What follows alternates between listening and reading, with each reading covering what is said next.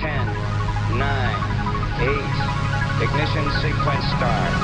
5, 4, 3, 2, 1, 0.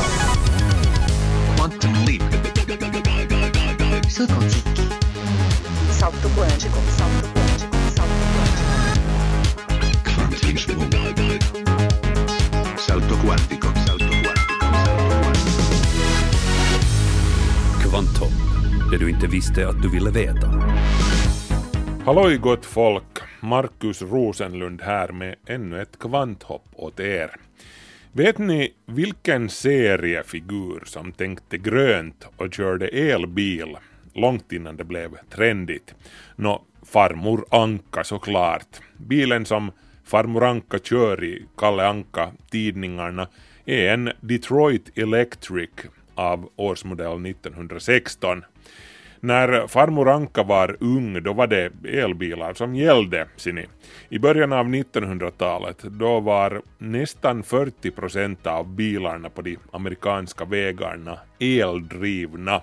Ungefär lika många var ångdrivna och bara 22 procent drevs med bensin. Elbilen hade många fördelar som den tidens bensinbilar inte kunde tävla med du slapp allt besvärligt vevande då bilen skulle startas, en procedur som kunde resultera i brutna fingrar då veven sparkade bakut. Med en elbil vred du bara på en spak och gled tyst och elegant iväg. 1914 då hade Thomas Alva Edison och Henry Ford ett gemensamt projekt på gång, en elbil för de stora massorna. Men projektet rann ut i sanden och Ford gick in för bensinmotor i T-Forden och så blev det sedan så att bensinmotorn erövrade världen. Man kan bara tänka sig hur annorlunda bilens historia hade sett ut om T-Forden hade varit elektrisk. Det fanns till och med en prototyp av T-Forden med elmotor. No jo, men här är vi nu med en bilpark där futtiga 1% av fordonen på vägarna är eldrivna. Men nu vill också staten här hemma hos oss uppmuntra folk att köra på el, inte minst av klimatskäl. Hur ska det gå till? Det ska vi höra idag.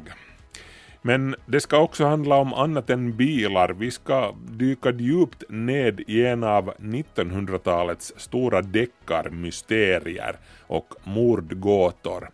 Vi ska besöka Science Museum i London tillsammans med Albert Ernroth. Där pågår en ny utställning som försöker skapa en bild av vad som egentligen hände med Rysslands sista tsar, Nikolaj den andre, och hans familj. I utställningen på Science Museum visas bland annat livläkaren Botkins tandprotes och manschettknappar. Ett antal ikoner som tsarinnan alltid tog med sig på sina resor och tsarinnans dagbok som ligger öppen på den sista sidan. Det här och mycket annat i Kvanthopp idag. Häng med!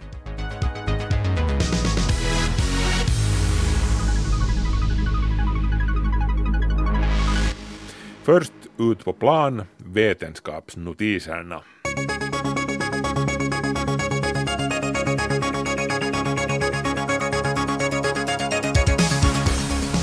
Ska vi någonsin klara av att hålla den globala uppvärmningen under en och en halv grad Celsius så kommer vi sannolikt i något skede att bli tvungna att bokstavligen börja suga koldioxid bort från atmosfären i stor skala.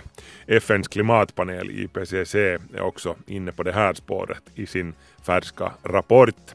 Det här är en metod som hittills har betraktats som på tok för svår och framförallt för dyr. Men i takt med att tekniken utvecklas och priserna kommer ner så börjar det te sig som ett allt mer realistiskt alternativ. Koldioxidupptagning direkt från luften alltså. En studie från Harvard-universitetet som publicerades i somras visar att det skulle kosta mellan 80 och 200 euro per ton att ta tillvara koldioxiden direkt från luften. Det lägre priset, 80 euro, involverar att omvandla koldioxiden till nya bränslen medan det dyrare priset gäller en modell där man lagrar koldioxiden i marken. Hur som helst så är koldioxid dammsugaren på kommande, tror experterna. Vill du ha den högsta möjliga sannolikheten för att klara dig helskinnad ur en bilolycka så ska du sitta i en Tesla modell 3. Den amerikanska trafiksäkerhetsmyndigheten NHTSA har testat den bakhjulsdrivna versionen av Teslas folkbil modell 3 och bilen har den lägsta skaderisken av alla bilar som myndigheten någonsin har testat. Risken för att du ska komma till skada i en modell 3 är lägre än 6 procent enligt de test som ingår i programmet, vilket inkluderar frontalkrock, att bilen rullar och att bilen blir påkörd från sidan. Att Teslan är så krocksäker så har delvis att göra med att det är en elbil. Motorn ligger inte under frontplåten som i en vanlig bensindriven bil utan motorerna finns i samband med hjulen vilket ger en bättre viktfördelning. Batterierna sitter dessutom nere i bottenplattan vilket ger en låg tyngdpunkt. Norges regering förpliktigar landets flygbransch att blanda i minst 0,5 procent biobränsle i allt flygbränsle från och med 2020. Nyhetsbyrån Reuters rapporterar att det här kommer att innebära betydande extra kostnader för flygbranschen men Norge vill dra sitt strå till stacken för att minska på koldioxidutsläppen meddelar Norges regering.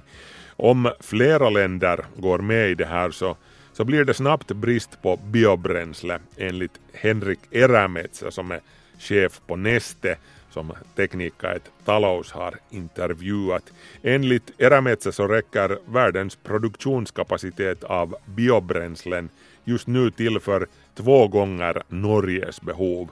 Erametsä ser det här som en klar signal till biobränsleproducenterna att det är dags att börja öka på sin produktion. Enligt nuvarande planer ska flygbranschen halvera sina koldioxidutsläpp fram till år 2050. NASA meddelar att rymdsonden Voyager 2 som lämnade jorden 1977 nu börjar närma sig gränsen till den interstellära rymden eller heliopausen, där som solvinden slutar blåsa och den kosmiska strålningen utifrån börjar dominera. Efter mer än 40 år i rymden är Voyager 2 fortfarande aktiv och den har på sistone uppmätt allt högre nivåer av kosmisk strålning, vilket alltså tyder på att den närmar sig solsystemets yttersta gräns, utkanten av den så kallade heliosfären, bubblan av laddade partiklar som omger solen. När Voyager 2 passerar genom heliopausen, som gränsen kallas, så blir den det näst avlägsnaste föremål tillverkat av människan. Längst bort av alla ligger systersonden Voyager 1 som de facto kom iväg lite senare än Voyager 2 men Voyager 1 sattes på en snabbare bana för att nå Jupiter och Saturnus så fort som möjligt. Voyager 1 tog sig ut ur heliopausen 2012.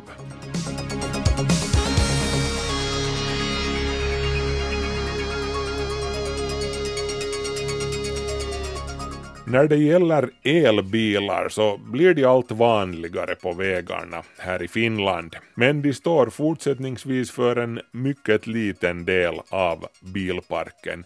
Till antalet är de drygt 2000 och antalet hybrider som drivs både med el och någonting annat är drygt 11 000.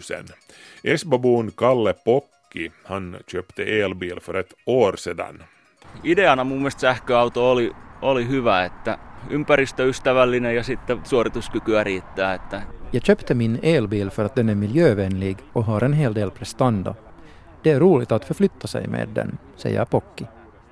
Ett exempel på det här är att han har kört 160 kilometer bara för att träffa några andra elbilsentusiaster invid en ny laddstation i Lempäällä, lite söder om Tammerfors. Det är också där vi träffar honom. Kyllä se varmasti on hyvä, että alussa tuettaisiin, että saataisiin sähköautoilu yleistymään. Det skulle vara bra att sporra folk att skaffa och äga elbil. Skatten för att äga en elbil är redan lägre än för en typisk bensinbil, men skillnaden borde bli ännu större, säger han. Max Johansson, som är vice ordförande vid elbilsföreningen Tesla Club Finland, håller med. Det är ju svåra politiska frågor egentligen men att äh, om man ser på all den miljöeffekten och situationen i, i Mellanöstern och så vidare, allt som har med oljeindustrin och, och det här att göra så det där borde ju det liksom äh, ta, finnas en, en liksom beskattning som tar det i beaktande. Forskare vid jubileumsfonden Citra rekommenderar i en ny rapport som publiceras den här veckan att politikerna gör det dyrare att köra med bensin och dieselbilar. Samtidigt menar forskarna att det borde bli billigare att köra med elbilar. Annars kommer Finland inte att kunna uppnå klimatmålet om att halvera utsläppen i trafiken fram till år 2030. Finlands mål är att ha 250 000 elbilar och 50 000 gasbilar på vägarna år 2030. Trafik och kommunminister Anne Berner kommenterade för sin del nyligen att det kunde vara skäl att se över beskattningen så att den sporrar till miljövänligare alternativ. Enligt Berner borde de skärpta skatterna baseras på bilanvändningen. Ett sätt att göra det här är att höja bensin och dieselskatten ytterligare. Finansminister Petteri Orpo säger också till YLE att utsläppen måste minskas med hjälp av nya beskattningsregler. Meidän täytyy ohjata verotuksella järeämmin vielä vähäpäästöiseen liikenteeseen. Vi måste mer kraftfullt styra folk till att röra sig i trafiken på mer miljövänliga sätt, kommenterar han. En statlig arbetsgrupp tittar också som bäst närmare på beskattningen av trafiken och väntas i december komma med förslag på hur den kunde se ut i framtiden. Många som kör med diesel eller bensinbil är samtidigt mycket kritiska till att möjligen behöva betala mer i skatt. En läsare med signaturen Mimers brunn på svenska.yle.fi kommenterar till exempel så här. Typisk finländsk reaktion. Om en grej är oönskvärd gör man den dyrare istället för att försöka göra den önskvärda grejen billigare. Det är ju helt korkat. Styr då istället folket genom att premiera det önskvärda beteendet. Så kommenterade alltså signaturen Mimers brunn. Och läsaren Solbritt skriver så här. En orsak till varför vår bilpark ser ut som den gör är ju de redan höga skatterna på modernare bilar. Att tro att vanligt folk kommer att välja elbil istället för bensin eller diesel på grund av att de höjer skatterna ytterligare är ju bara dumt, skriver Solbritt. Hon tillägger dessutom att folk troligen kommer att börja köra med ännu äldre bilar med mera utsläpp om en sådan här förändring genomförs.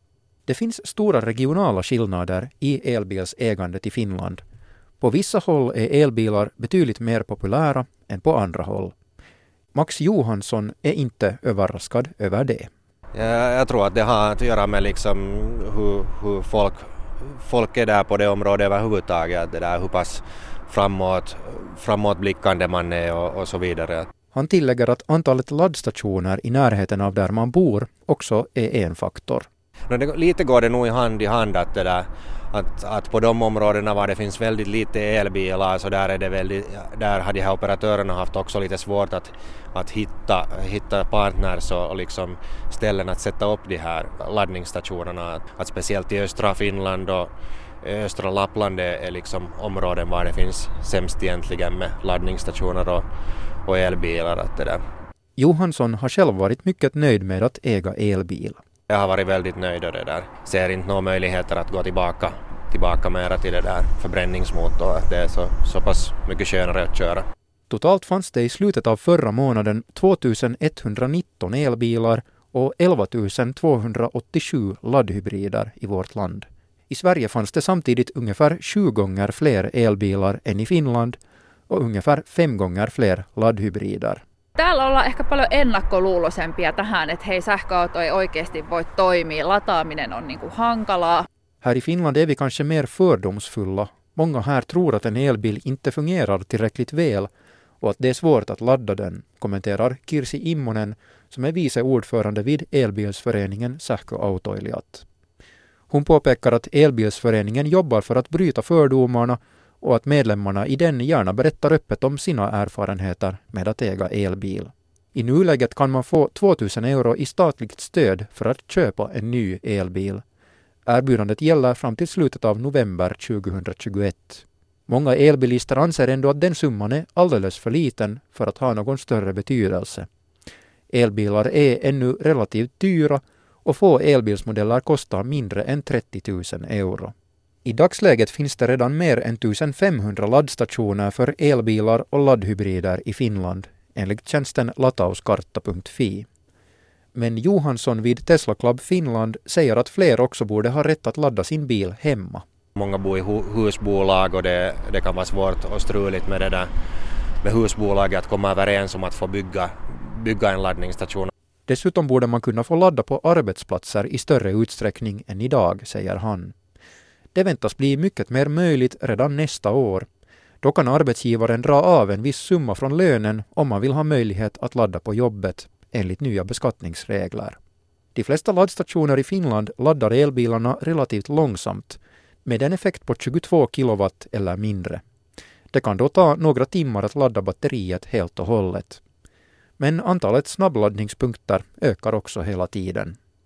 Ett ytterligare sätt att gynna elbilsägandet skulle vara att låta elbilarna köra i buss och taxifiler, påpekar Johansson. No, det skulle vara roligt att se mer av det förstås. Det, där, det är ju en, endast Västerleden som har ett stycke, stycke sån här fil men att liksom just, just huvudstadsregionen var det väldigt, väldigt besvärligt med alla vägarbeten och, och, och, och mycket trafik annars också så, så där skulle det säkert vara intressant att i alla fall prova att hur det, hur det skulle sitta med, med, med den möjligheten.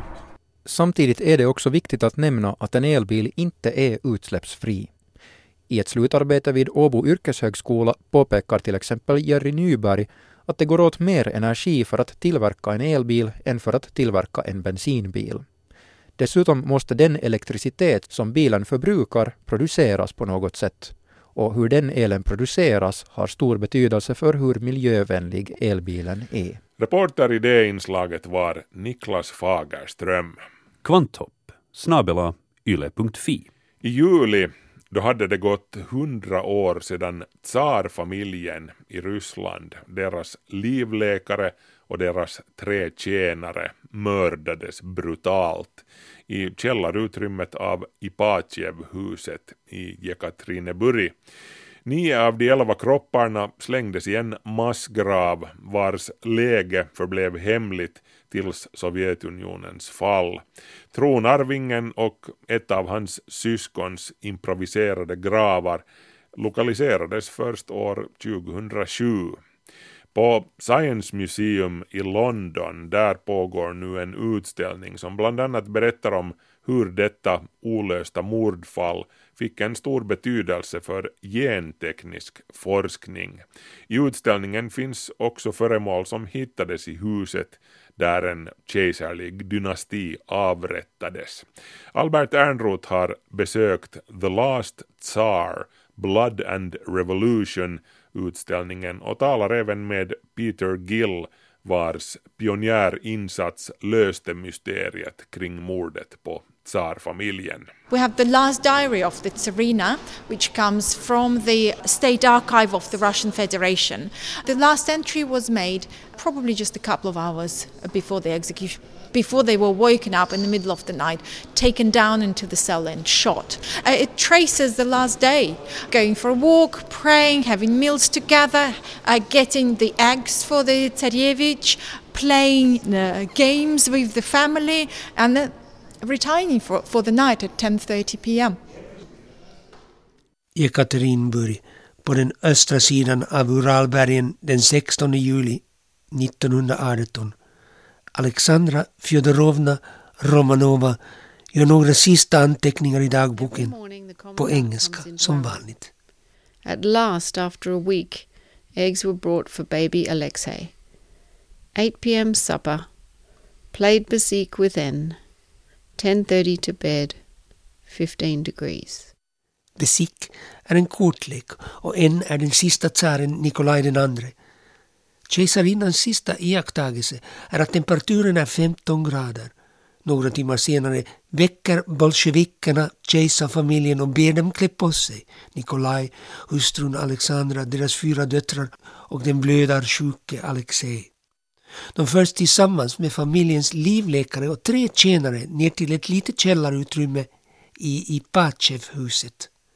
Vakterna påstår att de ska transporteras till en annan ort. Lastbilen väntar redan utanför. Den vita armén och den tjeckoslovakiska legionen befinner sig nämligen på utkanten av Jekaterinburg och risken är nu för stor att den forne kejsaren befrias.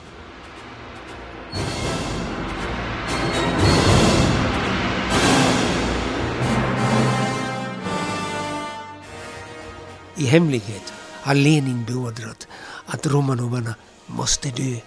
Jakov Jurovski, som leder avrättningen, läser upp dödsdomen. Nikolaj står oförstående inför det faktum att slutet är nära och ber Jurovski upprepa domen. Sedan är kejsarens sista ord. Ni vet icke vad ni gör. En parafrasering av Jesu ord på korset. Fader, förlåt dem, ty de veta icke vad de göra. Jurovski drar därefter sin revolver och skjuter Nikolaj med två, tre skott i hjärtat. De övriga bödlarna, och totalt är det tolv soldater, får knappast alla plats i halvkällaren men börjar nu kaotiskt avfyra sina vapen. Tronföljaren Alexei och två av hans syskon dör inte omedelbart och mördarnas bajonettstötar är inte heller direkt effektiva för att barnen har mängder av smycken och diamanter insydda i kläderna som nu fungerar som ett slags pansarplåt. Efter 20 minuter är jobbet avklarat slängs på ett lastbilsflak och körs till ett övergivet gruvschakt utanför staden. The inquiry into the murders of the members of Romanov family and the, their entourage started just a few days after the family was murdered in the cell of the Patyev house. It was a proper police investigation. The witness statements were taken, photographs of the crime scene were made, all the evidence was recovered, meticulously numbered and catalogued. De vita trupperna intog Jekaterinburg en vecka efter morden och en noggrann polisutredning som leddes av Nikolaj Sokolov sattes igång. Bolsjevikerna hade försökt sopa undan alla spår efter massakern men Sokolov hittade otaliga bevis och fyllde närmare 50 lådor med material. Han katalogiserade allt han fann i, i Patsjev-huset och tog bilder av interiörerna där Romanovs hade hållits fångna i 78 dagar, helt isolerade från omvärlden. Sokolov lyckades till och med hitta ett vittne och ett antal andrahandskällor som var beredda att ge sina versioner av händelserna. There were about 50 crates of evidence when the White Army had to move out of Yekaterinburg when the Red Army was advancing. Only few crates made it to continental Europe. Jag talar med Natalia Sidlina som är en av kuratorerna för utställningen The Last Tsar, Blood and Revolution som för närvarande pågår på Londons Science Museum där jag också befinner mig. Sokolovs rapport var utförlig men efter ett tag lyckades Röda armén återta Jekaterinburg. Det vita gardets återtåg var förhastat och man kunde inte rädda alla lådor med bevisföremål men ett antal hamnade i Västeuropa. What we have here comes from the monastery in the middle of the United States in Jordanville, and the monastery kept as relics whatever they could assemble as far as the evidence from the scene go. Numera äger ett kloster i Jordanville i delstaten New York flera föremål, eller borde vi kanske kalla dem för reliker, som hittades i källarutrymmet där en dynasti utplånades. I utställningen på Science Museum visas bland annat livläkaren Botkins tandprotes och manschettknappar, ett antal ikoner som tsarinnan alltid tog med sig på sina resor och tsarinnans dagbok som ligger öppen på den sista sidan. We have the pearl earring which Tsarina was wearing when she went into Siberian exile and then was taken to Yekaterinburg. And this pearl earring most probably was in her ear when she was murdered. Det är svårt att förbli oberörd när man ser pärlörhänget som kejsarinnan nästan säkert bar när hon mördades i Patsjev-huset. We have part of the house which doesn't exist anymore. We have the chandelier which was hung in the bedchamber of the Grand Duchesses, and it comes from the private collection here in the UK, and it's never been in, on museum display before. Det märkligaste föremålet, som aldrig tidigare har figurerat i en utställning, är er en takkrona med flerfärgade blomstermotiv i jugendstil. Den hängde i Olga, Tatjana, Maria och Anastasias gemensamma sovrum i Epatsiv-huset. Takkronan är det enda objektet som ursprungligen utgjorde en del av husets interiör som har bevarats. Kommunisterna beslöt 1977 att riva huset för att det hade blivit ett slags pilgrimsort för tsarens beundrare. The house was razed to the grounds in the 1970s. Nothing remains. Om det inte vore för Sovjetunionens upplösning skulle vi förmodligen aldrig ha kommit underfund med vad som hände med kejsarfamiljens lik. Nikolaj Sokolov hittade gruvschaktet och fann ett avhackat finger och några andra tecken på att mördarna hade gått ovanligt våldsamt tillväga. Han såg tydliga spår av att någonting hade bränts och antog att bolsjevikerna hade bränt upp kropparna utan att lämna minsta spår. Uh, yes, we can call it a cold case because it was a, an enduring mystery which had not been, been solved. Morden på kejsarfamiljen förblev olösta, a cold case, så länge kommunisterna var vid makten. Det visade sig senare att Jurovskij dagen efter morden återvände till gruvschaktet. I Ekaterinburg hade folk nämligen börjat sprida rykten om var Romanov-familjen hade dumpats. Jurovskij drog upp kropparna ur gruvhålet och efter flera turer slängdes nio av liken i en improviserad massgrav. Men inte förrän man hade krossat ansikten till oigenkännlighet och hällt svavelsyra över dem. Några sovjetiska geologer hittade 1979 graven men höll upptäckten hemligt. Tolv år senare, efter Sovjetunionens fall, godkände de lokala myndigheterna att skeletten undersöktes grundligt av rättsmedicinare. De kunde bekräfta att tre av de nio kropparna var barn, men ryssarna hade endast indicier, till exempel att flera tandfyllningar var gjorda av guld, porslin eller platina, vilket var ett tecken på att flera av offren härstammade från den högsta samhällsklassen. De kunde inte garantera att man hade hittat tsarfamiljen. At that time, there was a considerable press interest, and you'll see part of that in the exhibition as well. Some of the newspaper cuttings um, of the time. Upptäckten och undersökningarna väckte stor uppståndelse i medier över hela världen. Engelsmännen var på den tiden pionjärer inom DNA-identifiering och Peter Gill, som jag talar med, fick med sin forskargrupp i uppdrag att utföra den slutgiltiga utredningen. This is um, a technology which was used at, at the time. It's called polymerase chain reaction machine. So what you do is you put the the extract with, with DNA in this machine and you effectively replicate. It's like a, a molecular photocopier. That, that's why it's so the method is so sensitive. If you have one strand of DNA, you can replicate it so you have thousands of strands Jag stod med Peter Gill framför en PCR eller polymeraskedjereaktionmaskin. Ett slags molekylär kopieringsapparat som med hjälp av enzymer och värmeaktivering kan föröka minutiösa mängder DNA till tillräckligt stora mängder för att man ska kunna analysera och läsa av genetiska fingeravtryck. De brittiska forskarna filade små fragment av lårbenen och med hjälp av PCR-maskinen kunde hon ganska snabbt bekräfta att det rörde sig om fyra män och fem kvinnor i graven. De fastställde också att tronarvingen Alexei och en dotter saknades. Släktskapen kunde man analysera genom att extrahera DNA som finns i cellernas mitokondrier. Det finns DNA på två olika ställen i vår kropp.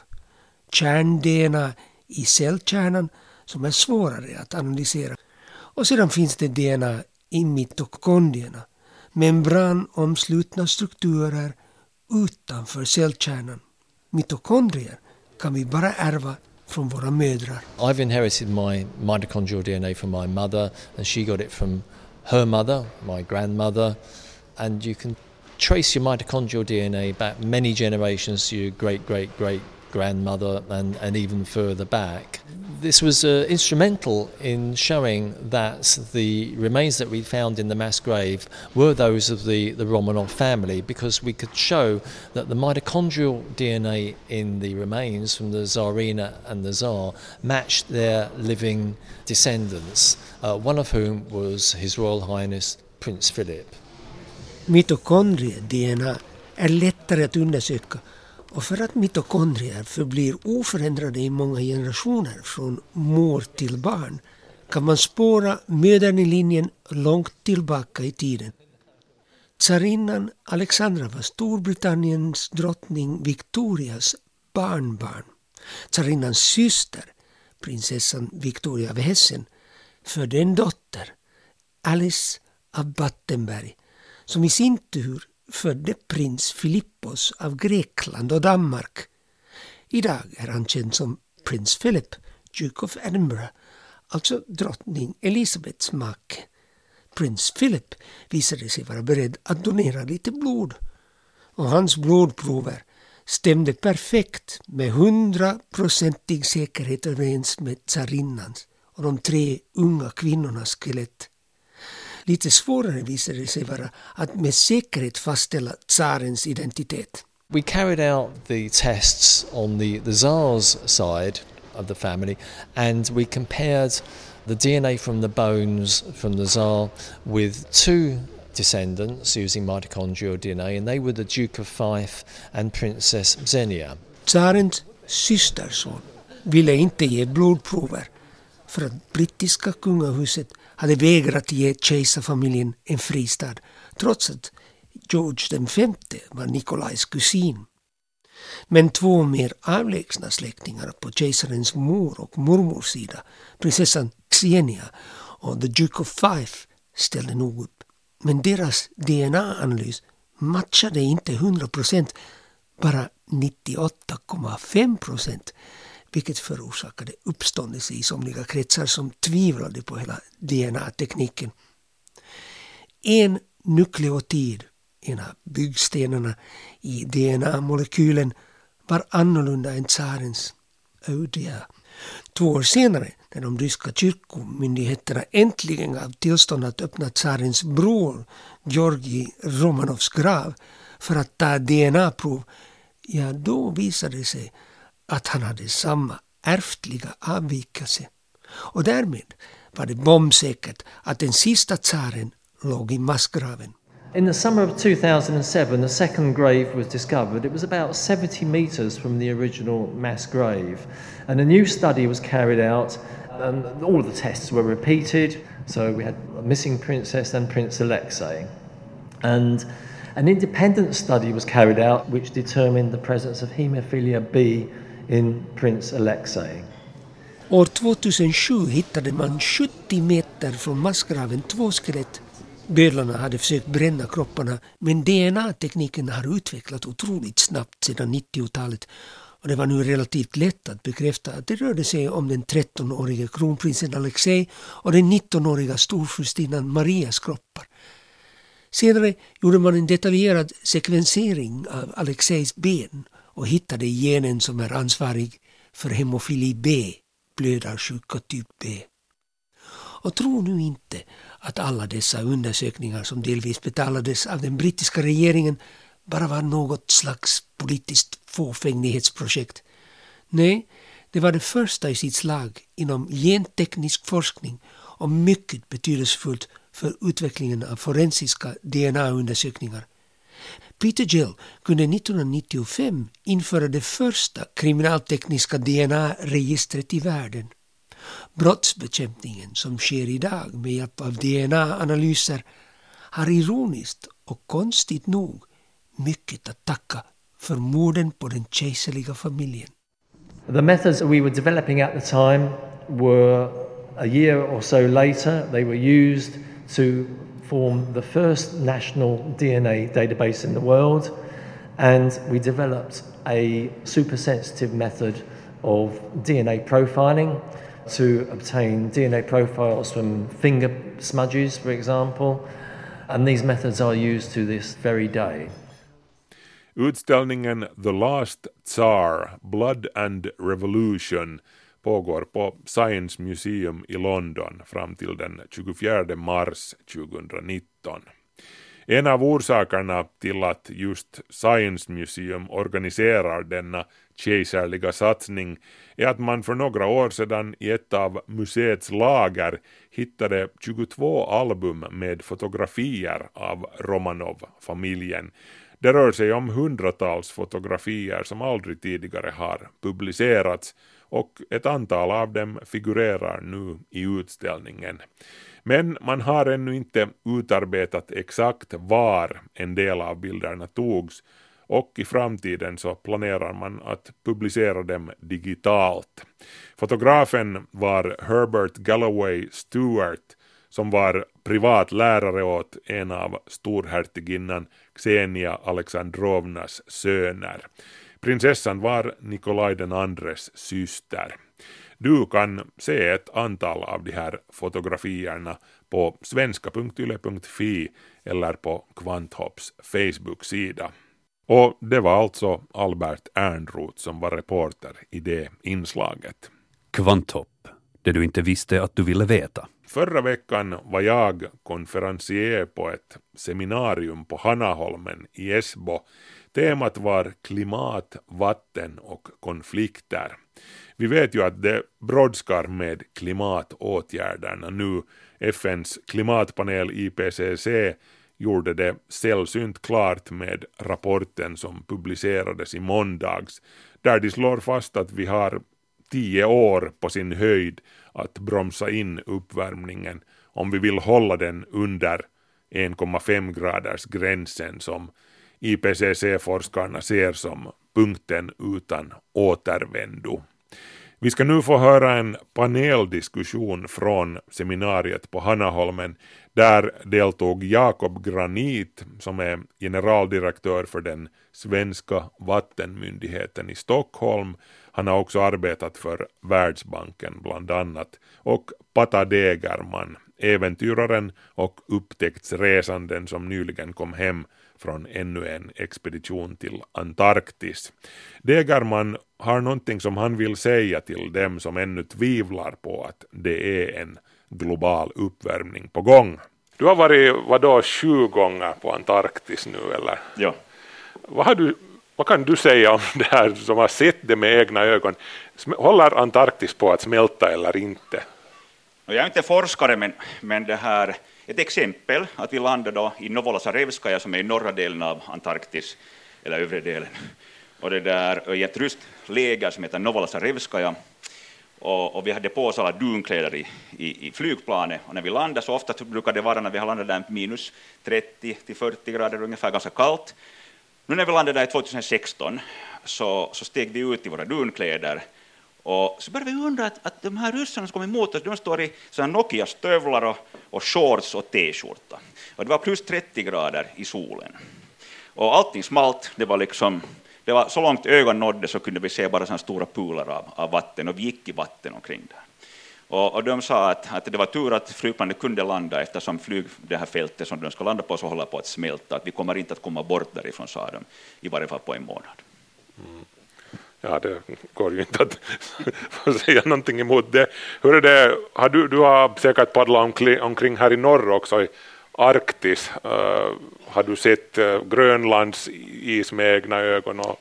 Jo, jo, jag råkar ha en, en stuga på östkusten på Grönland. Och det där och, Vem har nu inte det? Vi, vi var det där och, och paddla där för en stund. Jag har varit där ganska många gånger då och sett hur de har det. Och oftast när man rör sig de här fjordarna, till exempel Särmilikke är en stor fjord, på östkusten, så där så har det varit en sån här smäll per dag, vilket betyder att ett isberg kanske då går sönder eller en stor isbit lossnar. Det, det låter som en kanonsmäll, pang, och du känner av det. Mm.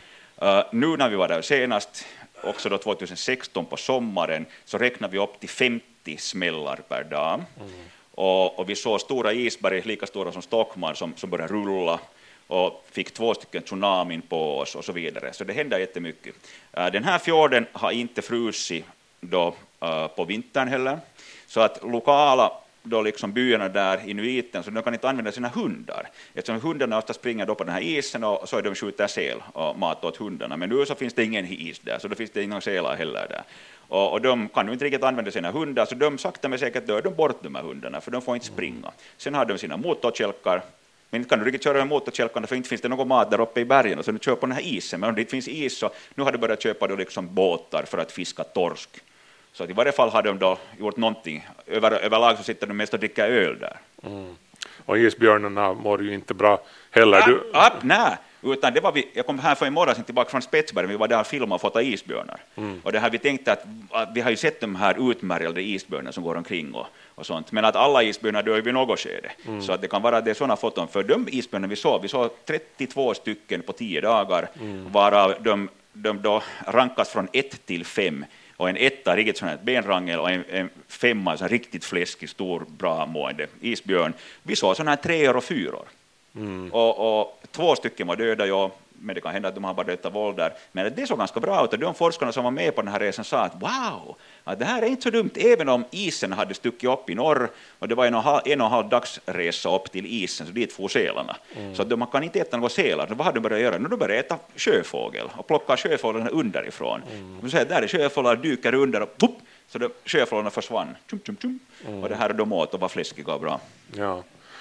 Eh, Jakob, eh, jag vill fråga dig lite just om, om Grönland. Hur, hur orolig är du för konsekvenserna av det som händer på Grönland nu? Det finns de som säger att, att det när, när, det smälter, när isen smälter på Grönland, det rinner ut en massa sötvatten i Atlanten, eh, så roddar det med, med den här termohalina cirkulationen, alltså Golfströmmen i, i praktiken.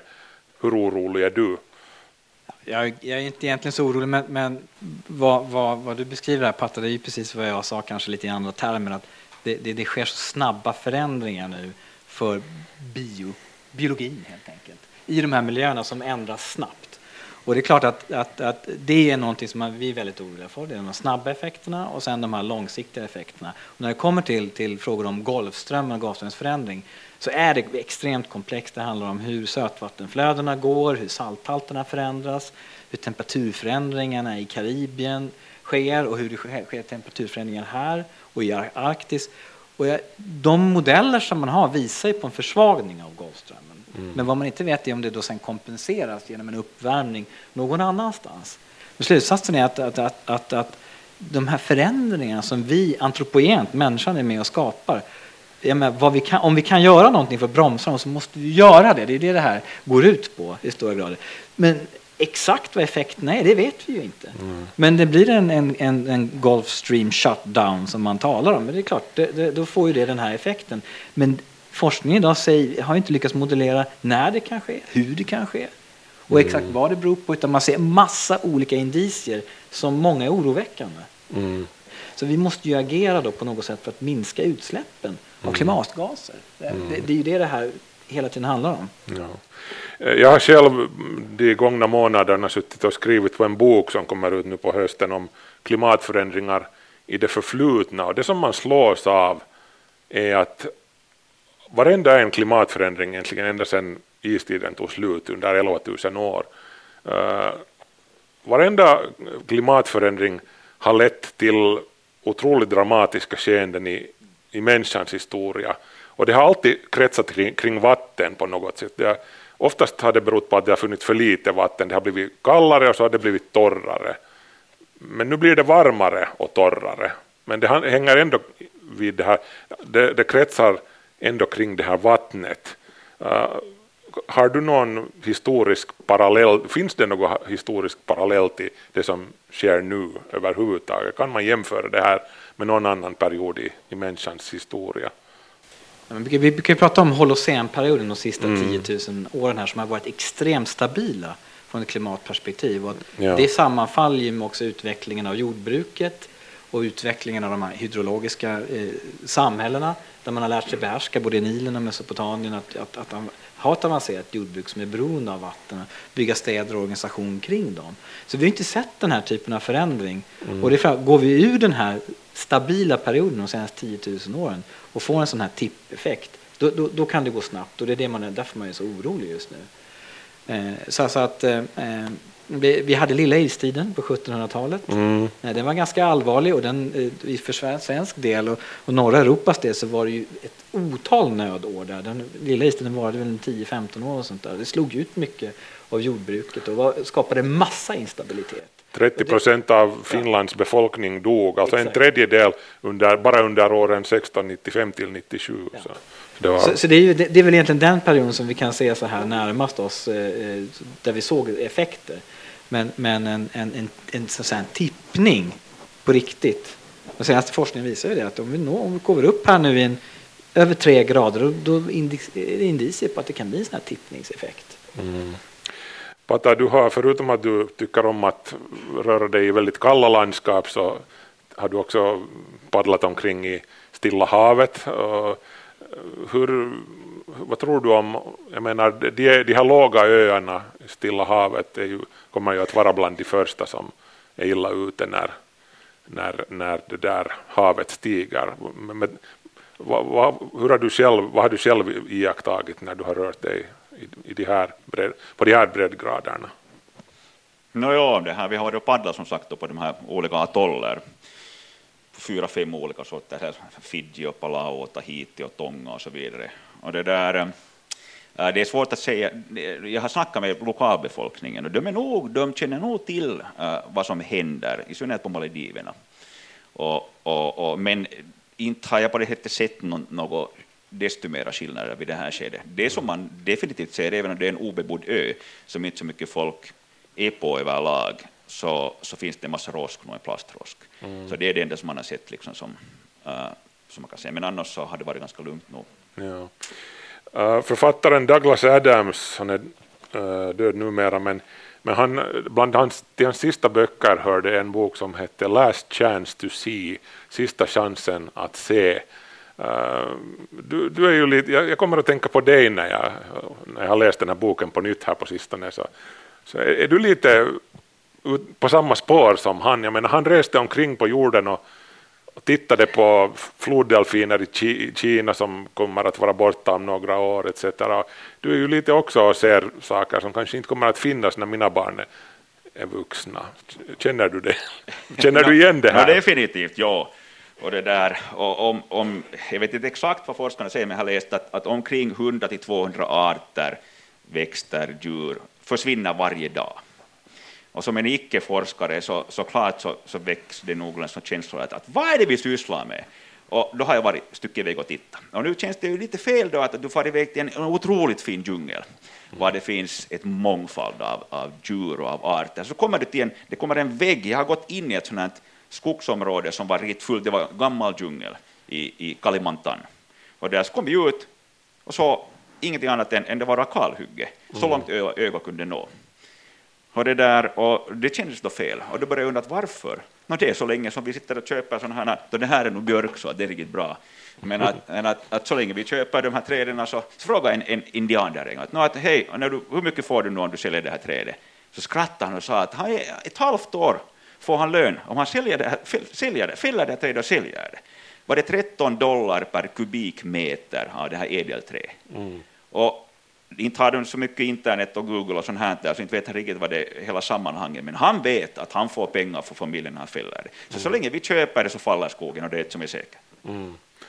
Jakob, känner du igen det här?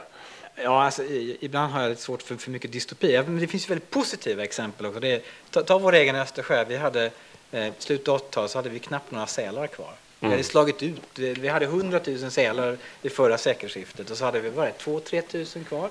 Idag har vi en population på 40 till 50 000 djur. Mm. För att vi som människa som art har stoppat utflödet av kemikalier. För att vi har förstått att det har effekter när vi släpper ut övergödningsmedel och att vi har gjort rätt förvaltning. Mm. Vi har liksom skapat det. Och det har lett till intressanta nya problem. Nu har det blivit konkurrens mellan sälen och de få fiskare vi har kvar till exempel. Mm. När sälen kommer in i våra kustzoner. Så att, så att eh, jag tror ju det här att, att det här med kunskapen är så extremt viktig. Och, och, när, vi, när jag pratade i mitt föredrag, alltså, ekonomin är ju väsentlig. För det är klart att om den här individen du pratar om, han får 13 dollar per, per kubikmeter och inte har något alternativ, Mm. ja då är det klart att han fäller det där trädet.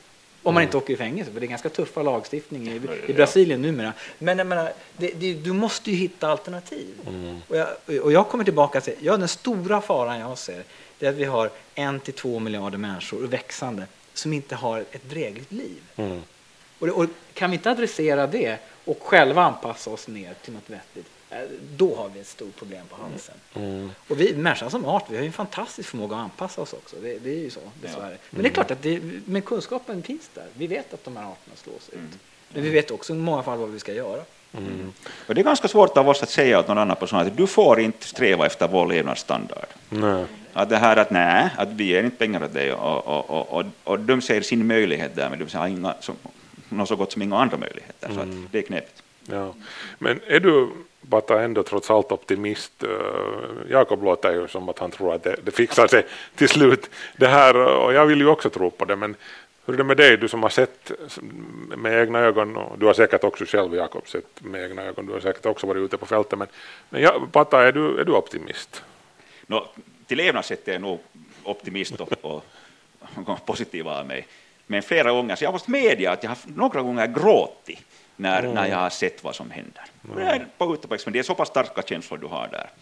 Så att, så att kanske det kan hända också att åldern kommer in, att jag blir kanske lite mera realist också flera gånger, men att äh, jag är inte fullständigt optimist, nej. Mm. Men däremot så, så är jag med, absolut med dig när du säger att kunskapen, att om vi får ut mera kunskap om vad som händer via forskning, Alf som sitter där uppe liksom kan bra veta det, liksom, att ju mera kunskap vi får och ju mera knowledge om vad som händer så kan vi göra rättare och bättre beslut.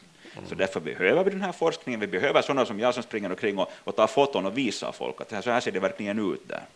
Så att vi kan göra massa saker och jag tror att om vi får den här grejen då liksom på något sätt bara ett system så tror jag nog att vi kan göra en massa saker om man tittar på vad folket har gjort här. Vi är jättebra på att döda folk och, och, och sådana här saker. Där, då är mycket innovativa, så nu kan vi nu riktigt säkert också liksom ta, ta hand om sådana här saker på ett vettigt sätt. Mm.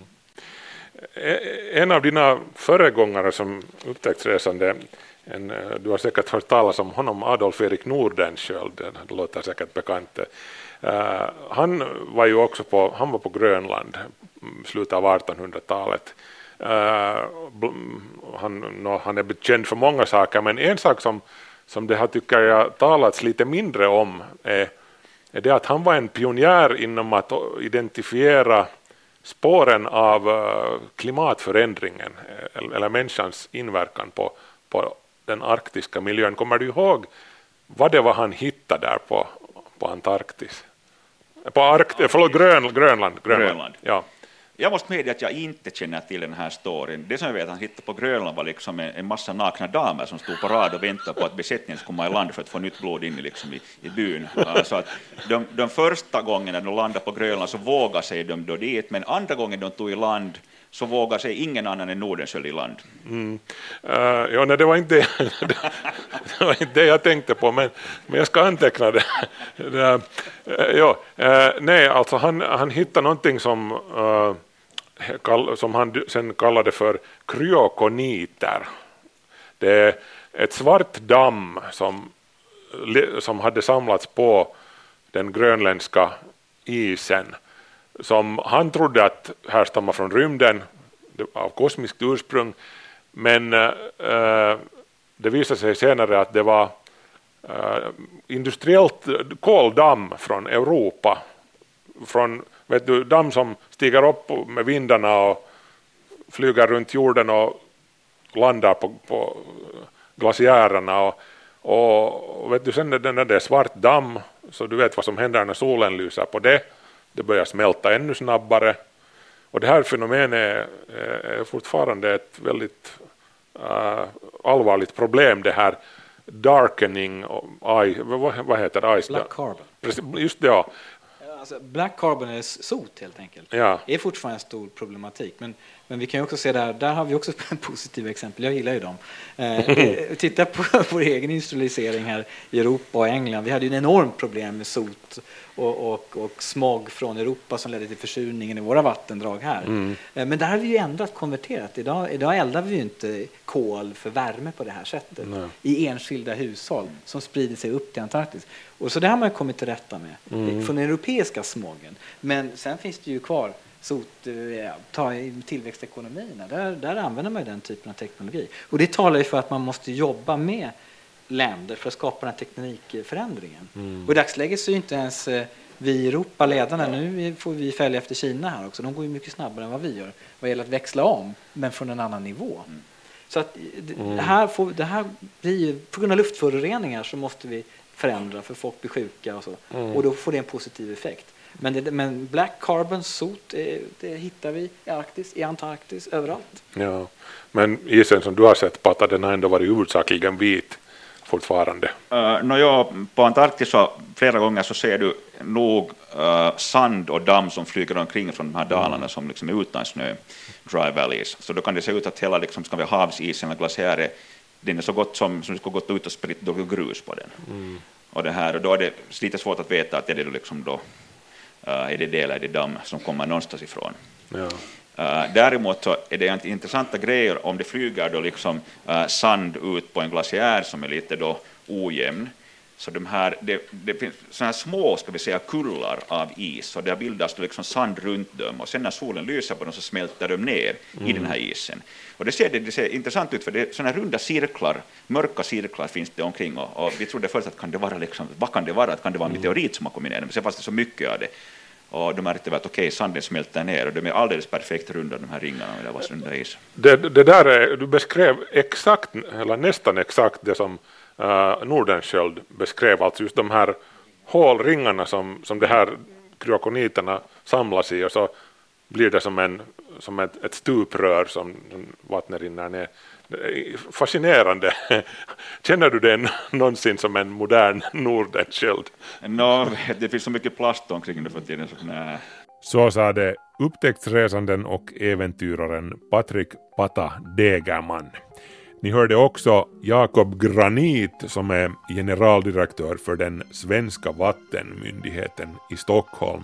Han är för övrigt barnbarn till nobelpristagaren Ragnar Granit.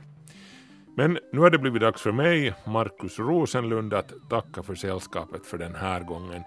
Vi är tillbaka här i Kvanthopp igen om en vecka. Ha det så bra till dess. Hej så länge.